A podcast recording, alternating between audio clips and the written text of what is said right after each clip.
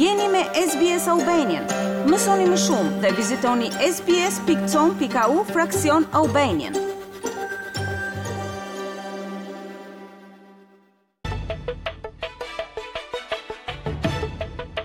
Rritja e numrit të vdekjeve në paraburgim, kushtet nëpër burgje dhe në qendrat e paraburgimit, si dhe mosveprimi i qeverisë ndaj ndryshimeve klimatike, janë cilësuar si shqetësimet më urgjente të të drejtave të njeriut në Australi. Raporti botëror i vëzhguesit të të drejtave të njeriut Human Rights Watch 2023 është raporti i 33 që shqyrton praktikat e të drejtave të njeriut në gati 100 vende. Të ndjekim materialin e përgatitur. Shqetësimet më të ngutshme të Australisë në lidhje me të drejtat e njeriut janë theksuar në raportin botëror të Human Rights Watch për vitin 2023. Është raporti i 33 i grupit ndërkombëtar për mbrojtjen e të drejtave që shqyrton praktikat e këtyre të drejtave në gati 100 vende.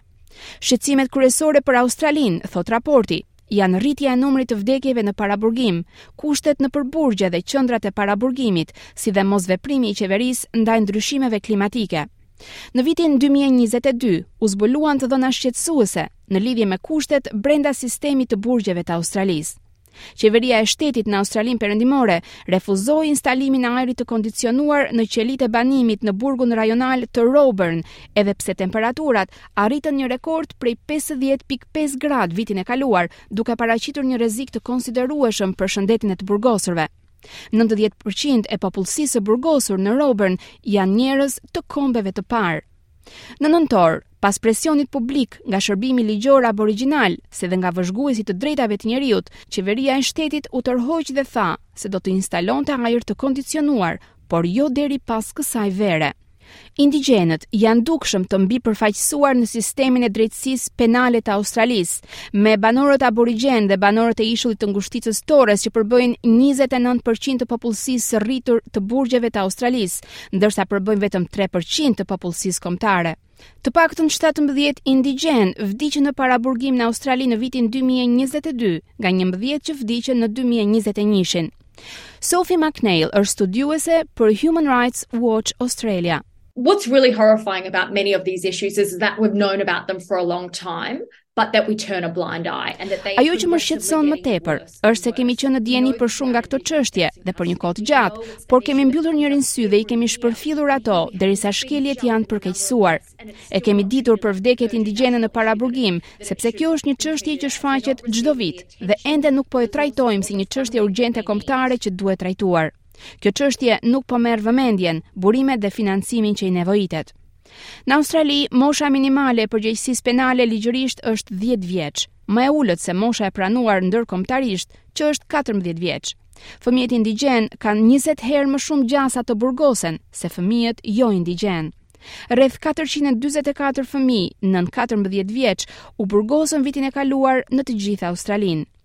Zonja McNeil thotë se shpreson që qeveria Albanese do të zbatojë premtimin e saj zgjedhor për ta rishikuar çështjen. the ALP took a commitment to the election to examine the age of criminal responsibility in Australia and we really want to see that federal leadership as soon as possible. Partia Laburiste mori një angazhim për zgjedhjet që të shqyrtonte moshën e përgjegjësisë penale në Australi dhe kjo duhet të bëhet sa më shpejt. Duam që të gjitha shtetet dhe territoret të rrisin moshën e përgjegjësisë penale në 14 vjeç. Raporti përshkruan gjithashtu shqetësimet në lidhje me proceset e vazhdueshme të lëna hapur për azilkërkuesit që vijnë në Australi prej detit.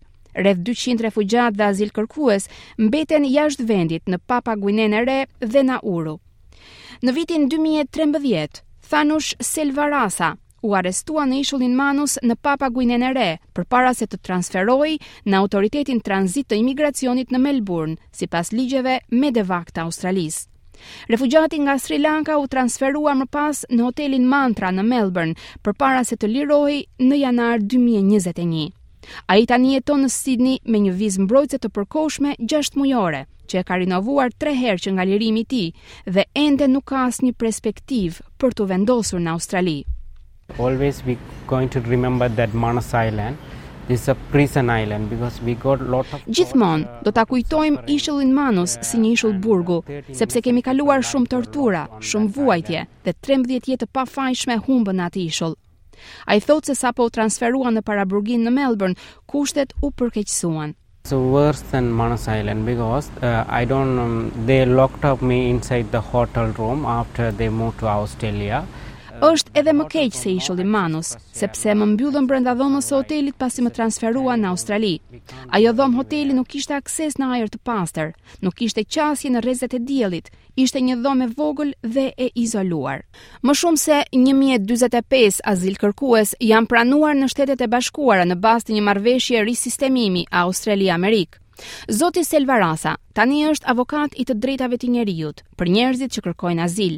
Ai shpreson të shohë veprime të menjëhershme nga qeveria australiane për të sistemuar azilkërkuesit nga deti që kanë mbetur në paraburgim. need to move Australia or third country settlement this as soon as possible but many of them they were Ne kemi nevojë për më shumë strehim në Australi dhe sa më shpejt të jetë e mundur, sepse shumë prej azilkërkuesve janë shkatërruar mendërisht dhe fizikisht dhe duhen çuar menjëherë për trajtim mjekësor. Raporti gjithashtu thotë se qeveria e New South Wales ka shkelur ligjin ndërkombëtar, duke vendosur ligje dhe gjoba të reja që synojnë posaçërisht protestuesit për krizën klimatike. Hulumtimi i Human Rights Watch sugjeron se autoritetet në New South Wales kanë dënuar në mënyrë disproporcionale protestuesit e klimës, duke shkelur të drejtat e tyre për të protestuar në mënyrë paqësore.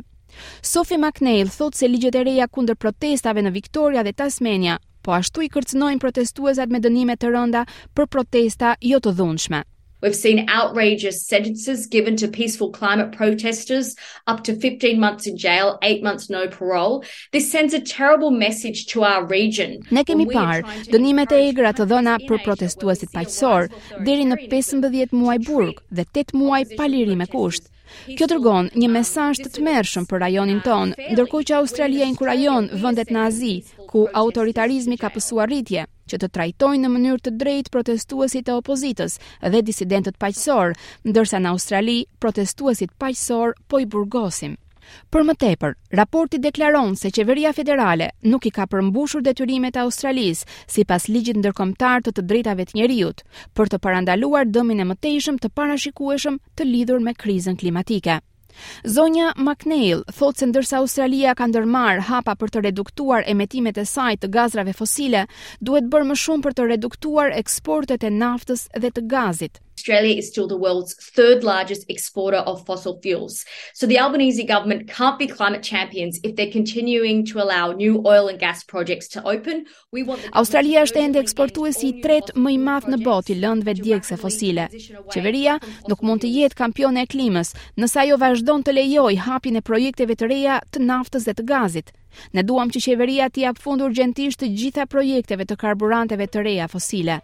Human Rights Watch thotë se nëse Australia do të ruajë kredibilitetin e saj si një lider global i demokracisë dhe të drejtave të njeriut në rajon, ajo duhet të adresojë urgentisht mangësitë e veta në lidhje me këto të drejta.